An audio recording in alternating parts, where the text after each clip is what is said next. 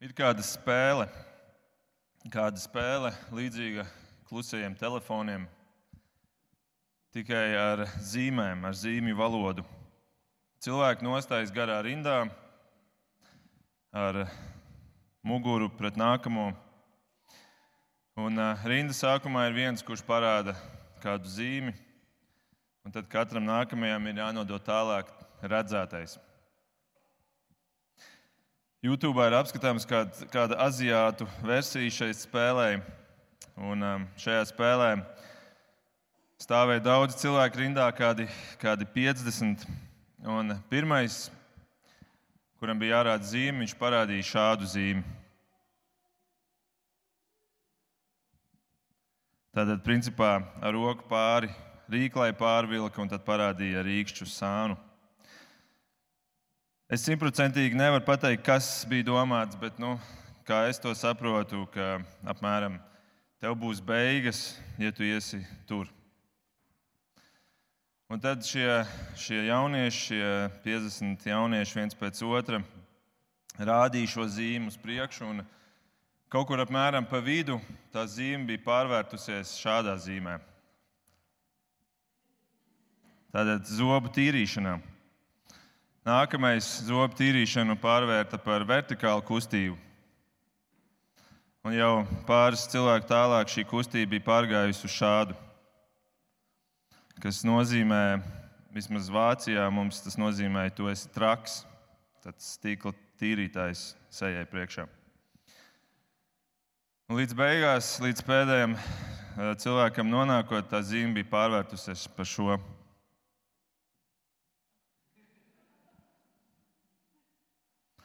Īkšķis uz augšu un uz sevi. Tātad, principā, es esmu foršs. No tev būs beigas, ja tu esi tur līdz es esmu foršs. Liekas, pilnīgi pretēji doma. Bet šī spēle tik labi atklāja to, cik viegli un ātri ir pazaudēt to sākotnējo domu, ko tas aizsācējs ir vēlējies pateikt. Un cik svarīgi tāpēc ir atgriezties arī pie sākuma, skatīties un klausīties ne tikai tajā tuvākajā cilvēkā, kas tev ir apkārt, bet atgriezties pie sākotnējā avota. Un, un, uh, to mēs šodien vēlamies darīt, jo arī mēs stāvam kādā garā rindā, kādā gandrīz 2000 gadu garā rindā, kurā ir miljoniem cilvēku. Un tā ir Jēzus mācekļu rinda. Jēzus mācekļu rinda. Un arī šai rindai ir kāds sākums. Ir kādi pirmie cilvēki, kuri pirmie rādīja to, ko, kas bija tā vēsts, kuru viņi gribēja nest uz priekšu. Pirmie mācekļi.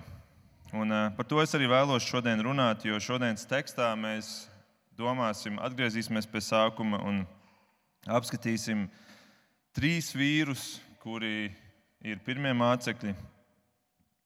Kuri tie bija, kādi viņi bija un ko mēs no viņiem varam mācīties šodien? Par to mēs domāsim, atgriežoties mūsu svētdienas sērijā Jāņa evanģēlijas. Tātad, kā jau Mārtiņš minēja, šodien ir piektā reize, un es aicinu, ka jūs varat atvērt savus bībeles uz Jāņa evanģēlīja pirmo nodaļu. Mēs joprojām esam pirmajā nodaļā, un uh, aiziet uz 35. pantu. Bet pirms mēs viņu lasām, es gribu atgādināt, ka Jānis šo visu evaņģēlīju raksta ar mērķi, lai pārliecinātu, ka Jēzus Kristus ir Dievs, ka Jēzus Kristus ir Dieva dēls. Jāņa evaņģēlīja 20. nodaļā, kas ir priekšpēdējā nodaļa, Jānis raksta. Lai jūs ticētu, ka Jēzus ir Kristus, Dieva dēls, un lai jums, kas ticat, būtu dzīvība viņa vārdā. Tātad Jāņa vēlēšanās un Jāņa mērķis rakstot šo evaņģēlīju ir, lai lasītāji pārliecinātu, ka Jēzus tiešām ir Dieva dēls un ka tiem, kuri tic, ka viņi varētu tikt izglābti. Ka viņi varētu tikt izglābti no mūžīgās nāves, jeb elles, uz kuru šie cilvēki dodas šie lasītāji dodas, jo viņi nes līdzi sev, savus grēkus. Un grēks ir tas, kas cilvēku nosoda, notiesā uz mūžīgo pazušanu. Bet Dievs ir sūtījis šo Dieva dēlu Jēzu Kristu, kurš uzņem šos grēkus uz sevi. Ar viņiem nomirst pie krusta un tādā veidā samaksā par šiem grēkiem, atbrīvojot šo cilvēku, šo lasītāju no šiem grēkiem un dodot viņiem pieeju pie Dieva mūžībām. Un šī tīrība, šī grēku piedošana ir saņemama ticībā. Un tādēļ Jānis rakstot šo evaņģēlīju pūlās, lai pārliecinātu lasītāju par to, ka šī ir patiesība, ka Jēzus ir šis Dieva dēls un ka Jēzus ir nācis tieši šī iemesla dēļ, lai pārliecinātu arī tevi šodien. Un tāpēc Kā jau es iepriekš esmu minējis, Jāņa evanģēlijas ir kā tāda tiesas prāva, kurā Jānis mēģina pierādīt patiesību. Un tāpēc viņš aicina uz šo prāvu lieciniekus. Viņš, jūs redzēsiet, ejot cauri šim evanģēlijam, viņš vienu pēc otra liecinieku sauks priekšā uz pratināšanu, uz liecināšanu. Un pirmais liecinieks bija kurš? Jānis Kristītājs. Mēs tātad pirmajā nodaļā redzam, pirmais priekšā tiek izsaukts Jānis Kristītājs. Un, uh, iepriekšējā pantā, pirms mūsu šodienas teksta, tad, ja jūs esat aizgājuši uz 35. pantu, tad jūs varat apskatīties vienu pantu iepriekš. Tur Jānis dod savu, savu gala secinājumu, savu gala vārdu. Un viņš saka, es esmu redzējis un liecinājis, ka šis ir Dieva dēls. Tad tas ir tāds Jāņa gala vārds savā savā liecībā. Jānis Kristītājs saka, es esmu redzējis un liecinājis, ka šis ir Dieva dēls. Tātad Jāņa liecība ir skaidra. Jēzus ir Dieva dēls. Un tad nu lasām, ko, kas seko pēc tam. 35. pants. Nākamajā dienā Jānis atkal stāvēja, un arī divi viņa mācekļi. Ievērojiet pirmos divus vārdus. Nākamajā dienā. Nākamajā dienā tas ir šī ir trešā diena vairāku dienu sērijā. Un šāda sērija patiesībā ir kaut kas nedabisks, jeb teiksim, tā, netipisks eh, jaunajai derībai Bībelē. Jo patiesībā šāda sērija secīga ir atrodama tikai vēl vienā vietā, un tā ir klusā nedēļa nedēļa pirms Jēzus dodas pie krusta. Tur ir arī aprakstīts diena pēc dienas, tāda sērija. Bet šeit Jānis arī dod tādu sēriju. Un eh, pirmajā dienā, kas bija no 19. panta, Jānis liecināja priesteriem, kur bija atnākuši no Jeruzalemes. Otrajā dienā, kas ir no 29. panta, Jānis liecina visai tautai, kas viņam ir apkārt. Bet tagad, trešajā dienā, Jānis liecina saviem mācekļiem, un tur ir teikts konkrēti diviem. Un tie ir arī mūsu pirmie divi varoņi šodien. Pirmie divi mācekļi, kuri stāv tajā rindā pašā priekšā. Jēzus mācekļu rindas pašā priekšgalā. Mēs varam teikt, kristietības celmlauži. Kuri viņi ir? Es jums uh, došu šodien trīs šos vīrus, un pirmais mums ir neredzamais Jānis. Neredzamais Jānis. Mēs vēlāk uzzināsim, kurš ir otrais, un otrais ir Andrejs.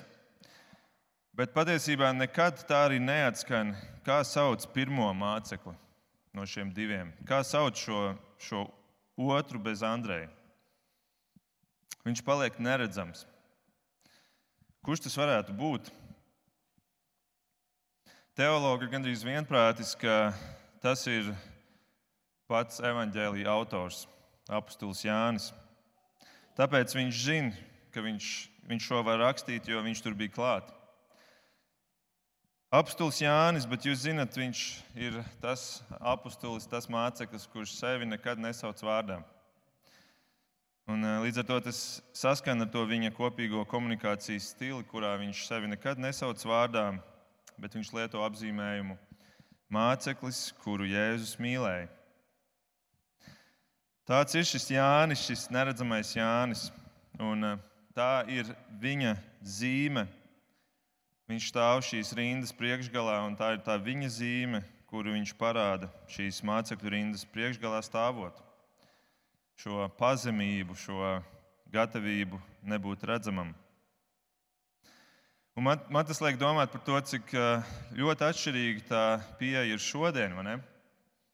Jānis tur pašā sākumā rāda šo attieksmi, šo gatavību tik nenosauktam vārdām, būt neredzamam.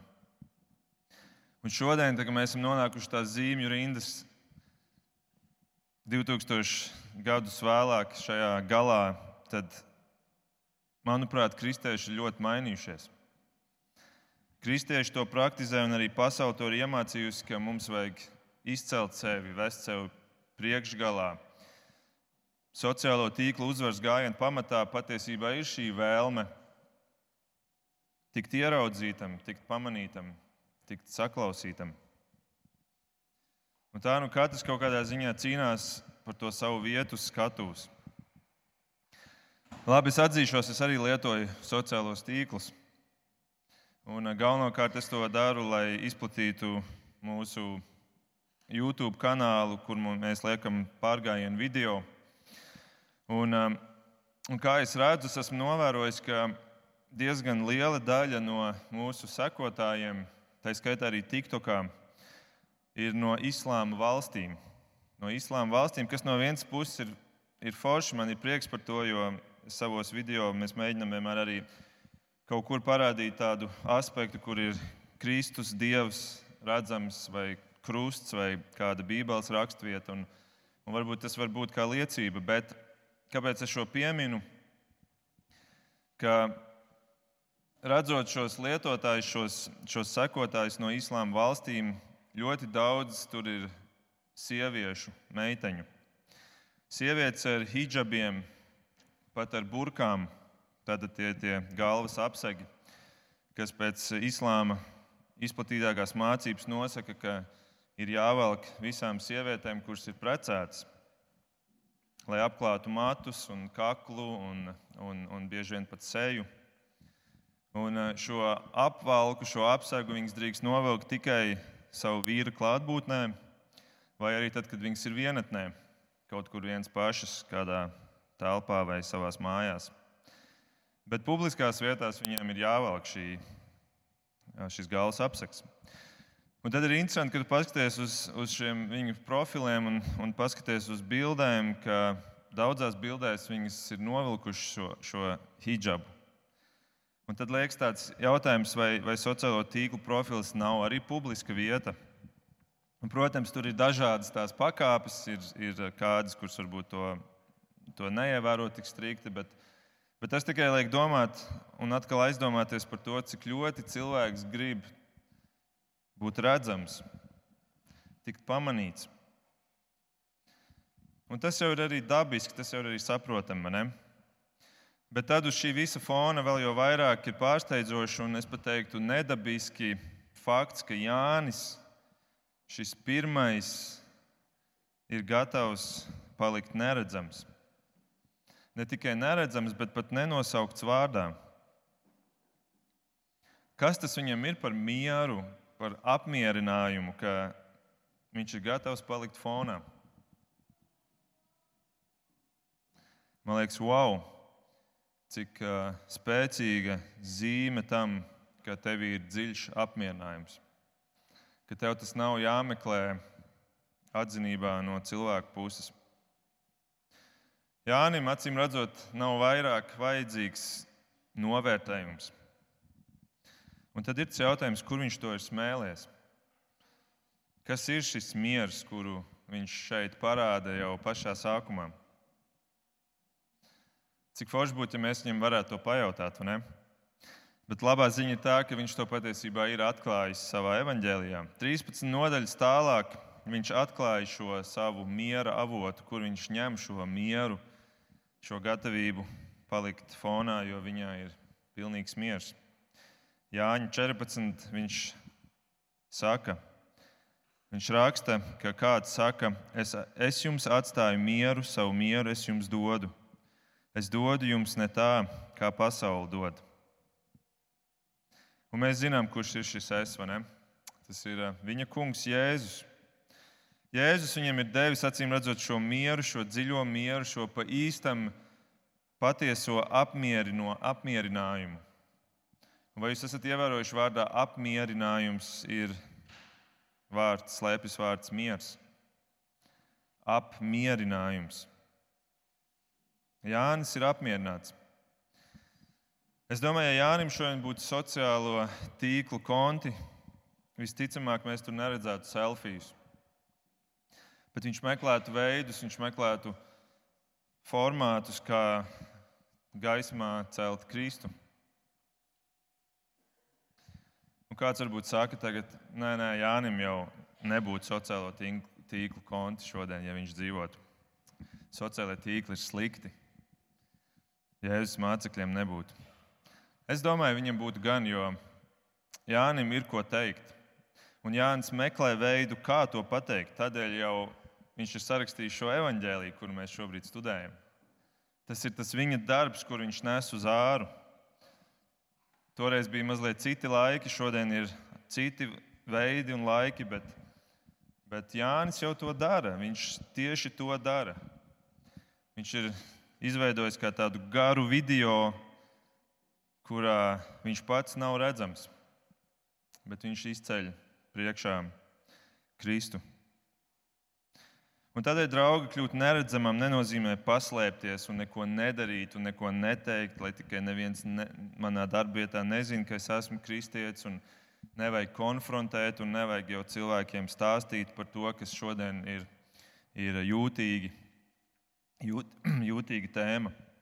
Bet es ticu, ka būt neredzamam Jāņa izpratnē nozīmē būt aktīvam, darboties, kalpot, lietot savas svētā gara dāvanas, bet vienlaikus to darīt pazemībā.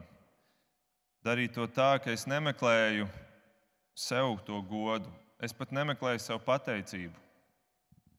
Ja man nepasaka paldies, vai varbūt neviens pat nepamana, nekas, jo man ir pilnīgs apmierinājums, kuru man jau ir devis Kristus, un man nav vajadzīgs vairs šis apmierinājums no cilvēka puses.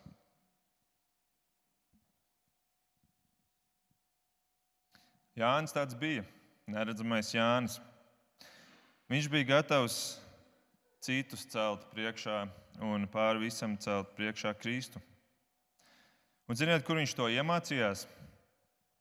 Tas ir vēl viens apbrīnojams stāsts. Un patiesībā tas ir šodienas tekstā atrodams stāsts. Jo stāsts ir tas par to, ka Jānim, apstulim Jānim bija ļoti labs skolotājs. Viņam bija ļoti labs skolotājs. Otrs neredzamais Jānis. Nu, Gan drīz neredzamais. Un tas bija Jānis Kristītājs. Jānis Kristītājs patiesībā bija pirmais skolotājs apstulim Jānim. Apstulis Jānis sākumā bija Jāņa Kristītāja māceklis. To mēs redzam šeit. Tas ir šis sākums. Un Jānis Kristītājs bija labs skolotājs. Paklausieties, ko viņš dara ar saviem mācekļiem. Šodienas tekstā 36. un 37. pāns. Tas ir apbrīnojami. Paklausieties! Ieraudzījis Jēzu staigājam, viņš, tas ir Jānis Kristītājs, sacīja: Redzi, Dieva jērs! Abi mācekļi dzirdēja viņu tā runājam. Un ko viņi darīja? Sekoja Jēzum. Redziet, tas apbrīnojamais tas, ka Jānis Kristītājs nemeklē savus sekotājus. Viņš nemēģina savus mācekļus paturēt sev. Viņam nav žēl, ka viņu sekotāju skaits tūlīt samazināsies. Ja Jānis Kristītājam būtu profils sociālos tīklos šodien, viņam nebūtu tik svarīgs sekotāju skaits, šis skaitlis jo viņš saviem mācekļiem rāda uz Jēzu un aicina sekot viņam. Un viņa mācekļi to saprot, un mēs redzam, viņi tiešām arī dodas. Viņi saprot šo aicinājumu iet pakaļ Dieva jēram. Un tā nu viņi dodas prom no Jāņa Kristītāja. Tik pazemīgs skolotājs bija Jānim, apstulim Jānim. Un tā nu no viņa ir izaudzis arī pazemīgs māceklis, šis apstulis Jānis. Kaut gan, ja jūs atceraties, sākumā viņš tāds nebija. Sākumā viņš nemaz nebija tik pazemīgs. Viņam bija jācīnās ar to, ka viņam bija kaut kādas, varētu teikt, dusmu lēkmes, tāpēc Jēzus viņu pat sauc par, nosauc par pērkona brāli. Vienā epizodē apstults Jānis ir neapmierināts ar to reakciju, kāda tiek izrādīta viņiem.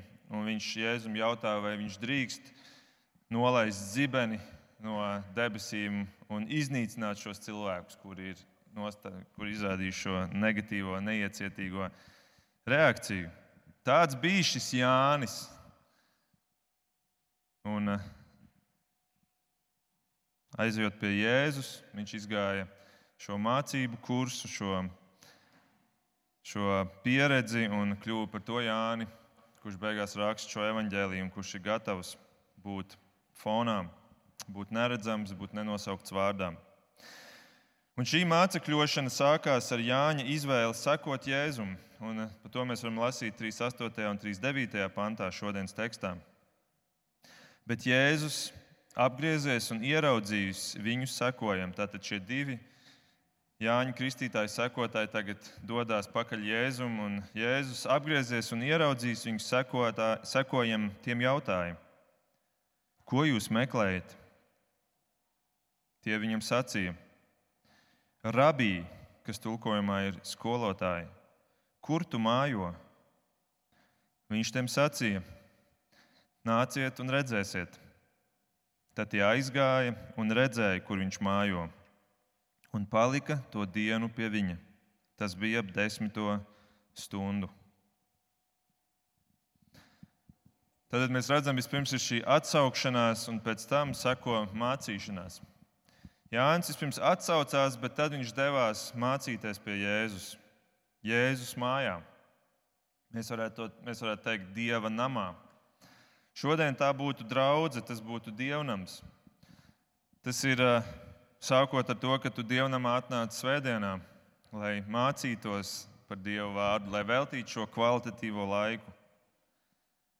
Mācīties var vēl daudzos veidos. Var mājās lasīt kaut ko, var klausīties austiņās kādus podkāstus vai kādas svētrunas. Bet ir arī labi ienākt Dieva namā un veltīt šo laiku, kurā es esmu atnācis un kurā es dodu laiku dievam un eh, dot šo kvalitīvo laiku. Tas ir tas, ko Jānis šeit dara. Viņš nāk un viņš velta laiku, lai mācītos Jēzus mājā. Tā, protams, bija Jēzus pagaidu māja, jo Jēzum savas mājas nebija. Un tad ir tas jautājums, vai tev patīk nākt uz dievkalpojumu, vai tev patīk nākt uz dievnamu. Man prieks ir par katru no jums, kurš šodien esat šeit. Bet uh, tas jautājums ir, kā ir ikdienā? Dievkalpojums jau latviešu valodā ir veidojies no vārda Dievs kalpo mums. Dievs kalpo jums, dievkalpojums. Un Jēzus tiešām kalpoja Jānim savā mājvietā ar šo mācīšanu. 39. pants, pēdējais teikums, tur, tur ir minēta desmitā stunda.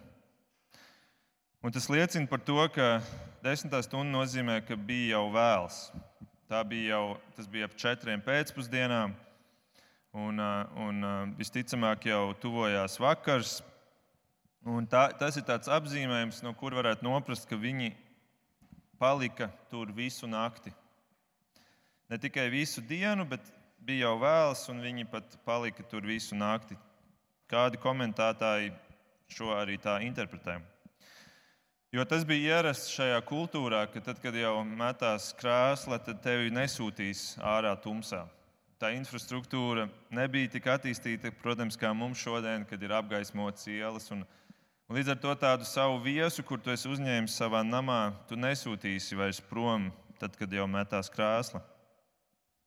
Varbūt jūs atceraties, līdzīgs gadījums ir Lūkas evanģēlī 24. nodaļā, kur ir aprakstīts tas, ko mēs saucam ceļš uz Emavu kur Jēzus ar saviem mācekļiem dodas un stāsta viņiem. Un tad tur 28. pantā ir teikts tā, bet tie sāka viņu pierunāt, Paliec pie mums, jo tuvojas vakars un diena jau galā.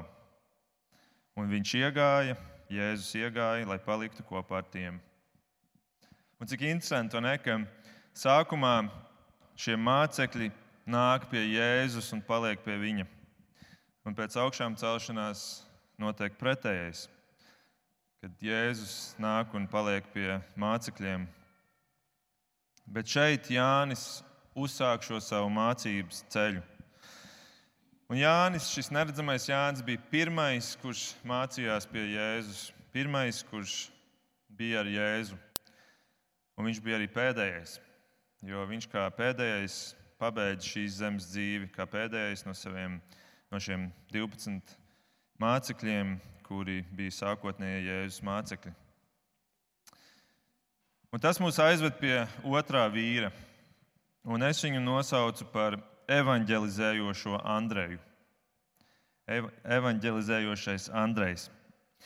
Un par viņu mēs lasām 40. un 41. pantā.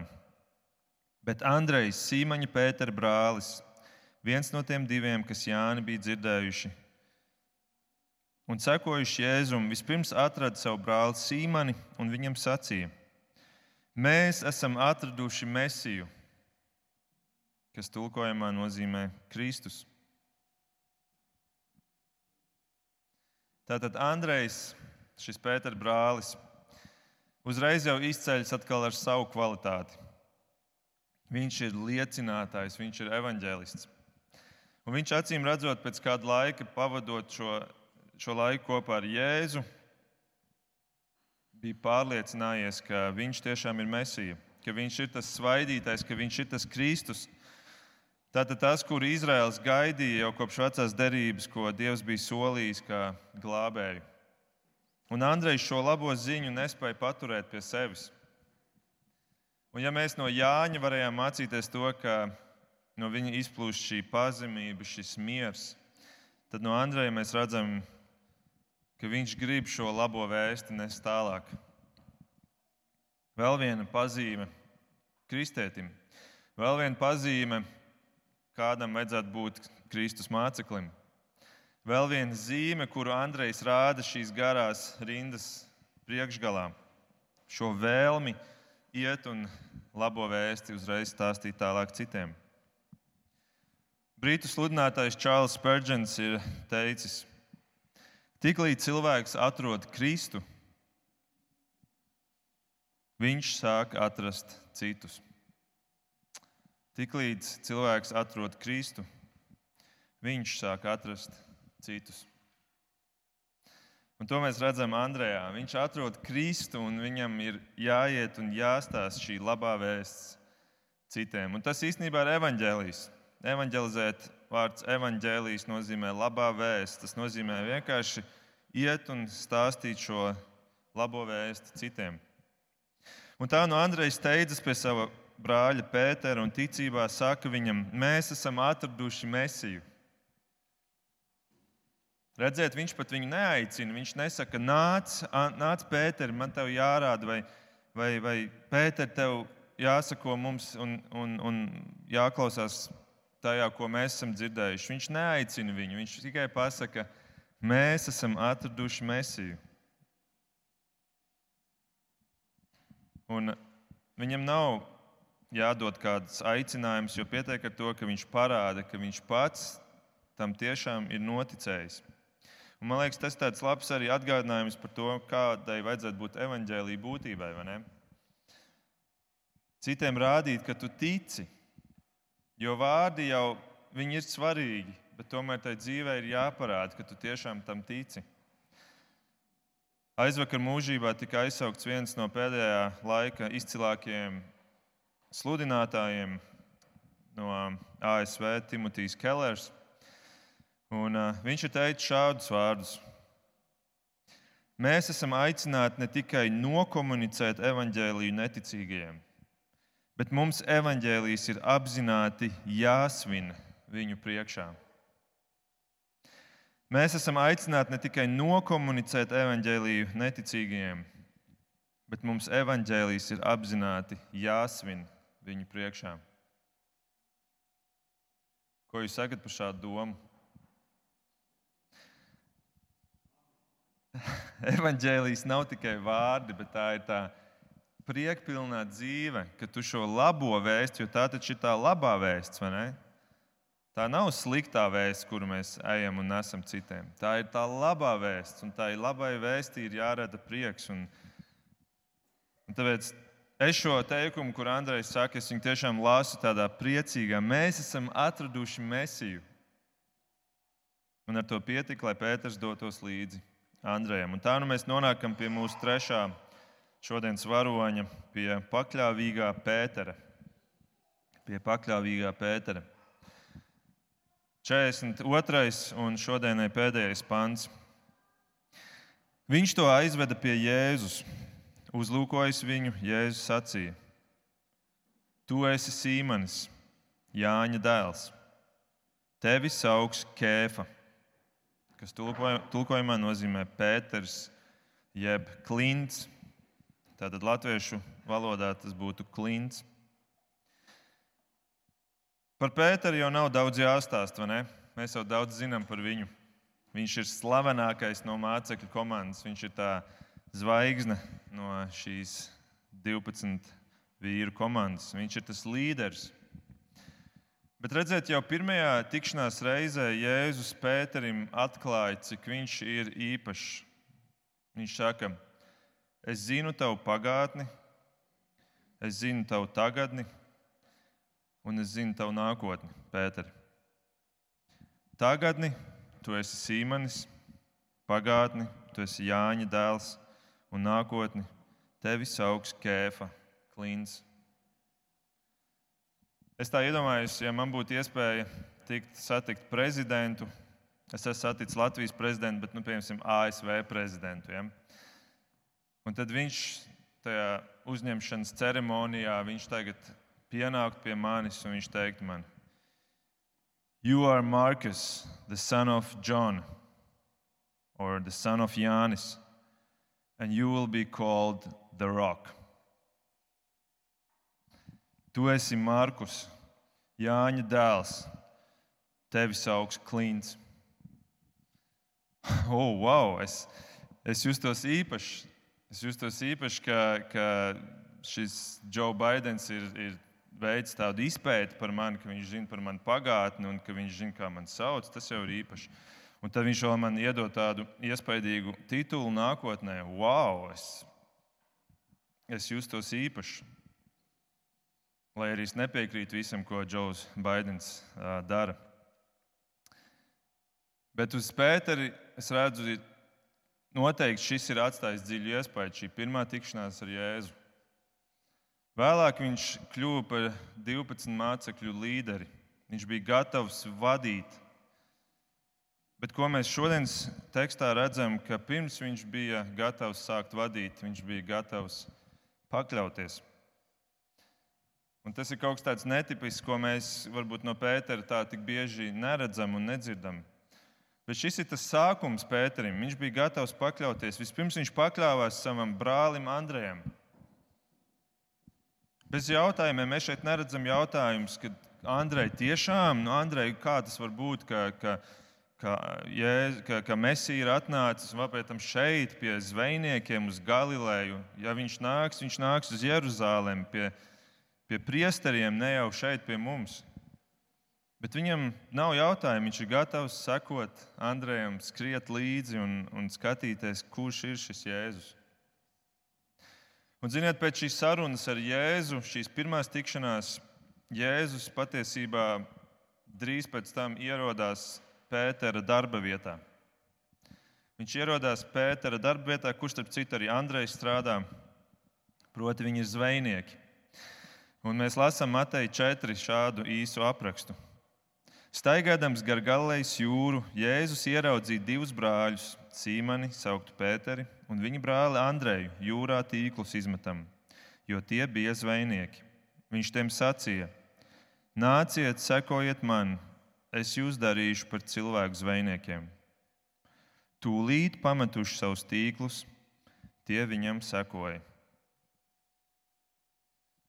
Redziet, Pēters ir gatavs pakļauties. Viņš ir gatavs uzreiz, te rakstīts, tūlīt.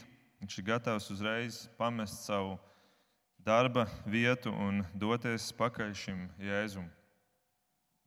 Ja no Jāņa mēs varējām mācīties to pazemību, to apmierinājumu, meklēšanu Kristū, un no Andreja mēs varējām mācīties to dedzību, liecināt citiem par Jēzu, tad no Pētera, kā kļūt par īstiem līderiem,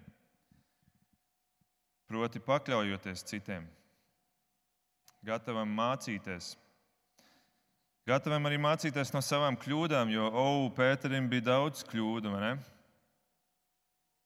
Un tad iet un kalpot, iet un vadīt citus pa šo ceļu. Tāds ir īsts līderis, tāds bija Pēters.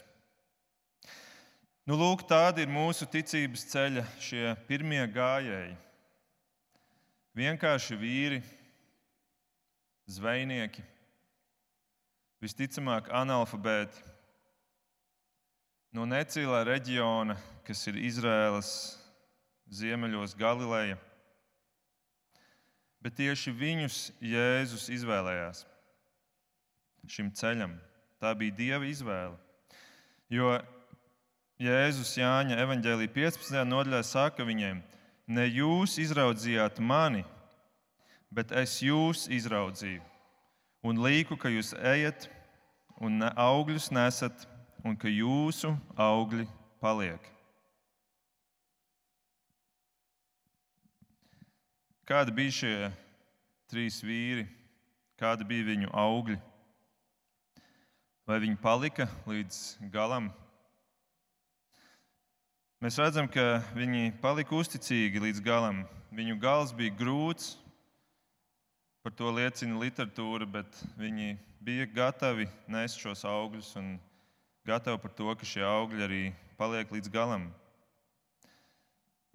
Es vēlos noslēgumā īsi pastāstīt, kāda bija šo trīs vīru, šo mūsu kristietības celmlaužu pēdējie dzīves mirkļi. Jāni nodeva mirt mocekļu nāvē, iemetot lielā bļodā ar karstu eļļu, kas bija izplatīts nāvisoda veids Romas impērijā. Tomēr kaut kādā brīnumainā kārtā viņš tomēr izglābās un tika tā vietā nosūtīts gūstā uz Patmas salu Grieķijā šodienas. Strādāt darba raktuvēs. Kā vecs vīrs viņš tika atbrīvots no šī gūsta, no šīs trimdas Un mūsdienu Turcijā viņš nomira mierpilnā nāvē, kā vienīgais no šiem 12 mācekļiem, un kā jau minēju, kā pēdējais. Par Andreja nāvi literatūra liecina šo. Andrejs evanģelizēja kādā Grieķijas provincē, un caur viņu sludināšanu pie Kristus atgriezās gubernators sieva Par to viņas vīrs, šis gubernators, bija ļoti dusmīgs. Nu, viņš deva izvēli savai sievai vai nu atmest ticību, kristumu, vai arī Andrejam tiks piespriests nāvisots. Viņa neatteicās no ticības, un Andrejs tika sodīts ar nāvi. Pēc tam, kad septiņi karavīri bija viņu šaustījuši, viņu piesēja pie X formas krusta, tātad krusts, kas ir kā X burts. Un tādēļ līdz šai dienai Andreja simbols ir X. Viņš pie šī krusta noturējās divas dienas un savā agonijā turpināja aicināt cilvēkus pie Kristus. Tāds bija evanģelizators, evanģēlists Andrejs. Tradīcija vēsta, ka viņa brālis Pēters arī mira savā kunga Kristus dēļ. Viņu piesita krustā un kopā ar Pēteri arī viņa sievu. Lai Pēterim palielinātu mokas, viņam vispirms lika noskatīties savas sievas krustā sišanu. Grieķu vēsturnieks Eisēbijs raksta, ka Pēters esot stāvējis blakus sievas krustam un pieslēdzies pie šīs krusta kājas, viņai sacīs atkal un atkal.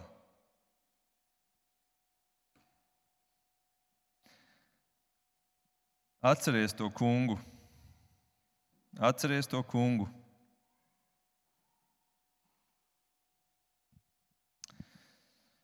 Kad viņa bija mirusi, tad Pēters pašu sita krustā.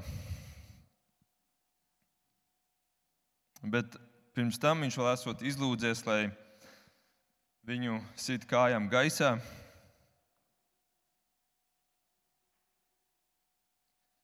Jo viņš nesot cienīgs mirt tā, kā mira viņa kungs.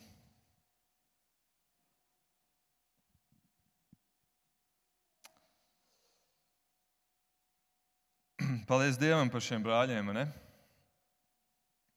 Vai jūs esat kādreiz pateikušies par viņiem, par šiem pirmajiem vīriem, kuri ir sākuši šo ceļu, šo Kristus mācekļu un eh, Kristus sekotāju ceļu? Dariet to! Un kā mēs redzam, viņi bija gatavi iet un mirt par Kristu, mirt par savu kungu. Jautājums ir, uz ko mēs esam gatavi šodien? Uz ko mēs esam gatavi šodien? Viņi kā pirmie tajā rindā rādīja zīmi, tev būs beigas, ja tu ies šo ceļu. Tev var būt beigas, ja tu ies šo ceļu. Jo Sātans ienīst Jēzu ceļu gājējus. Un šie mācekļi paši šīs beigas bija gatavi arī paciest. Ko mēs esam gatavi izciest? Cik ļoti mēs mīlam Kristu? Es atgādinu, ka Kristus miesa ir draudzene šodien. Cik ļoti mēs mīlam draugu?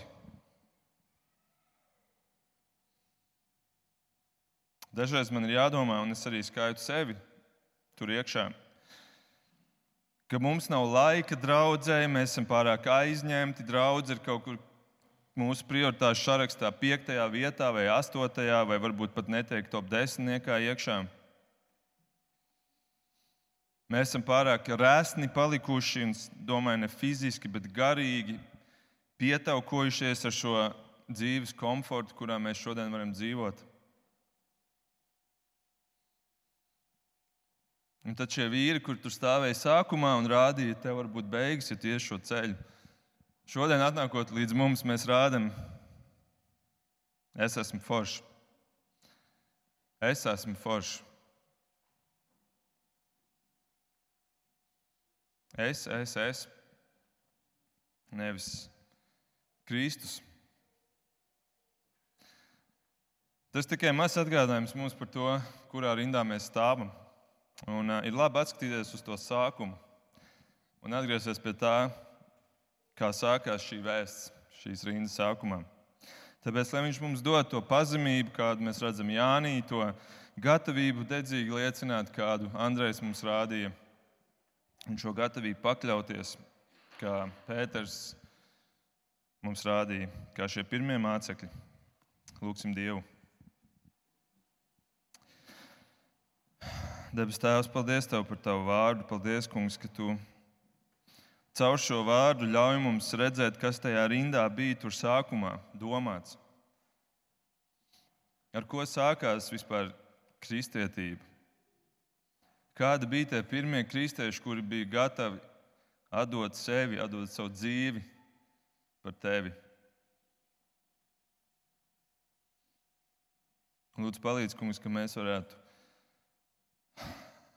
Nevis tāpēc, ka mums vajag, vai tāpēc, ka mācītājs kaut ko dusmīgi pasaka, bet tāpēc, ka mēs gribam tevi mīlēt un mēs gribam savu dzīvi tiešām veltīt tev, jo tie dzīves gadi, cik mums ir doti, viņi tik ātri paskrien un kas paliek pēc tam. Lūdzu, svētī mūs katru un dod, kungs, ka, ka mēs gribētu ka mēs gribētu atgriezties pie tā sākotnējā. Lūdzu, caur svēto garu modini mūs.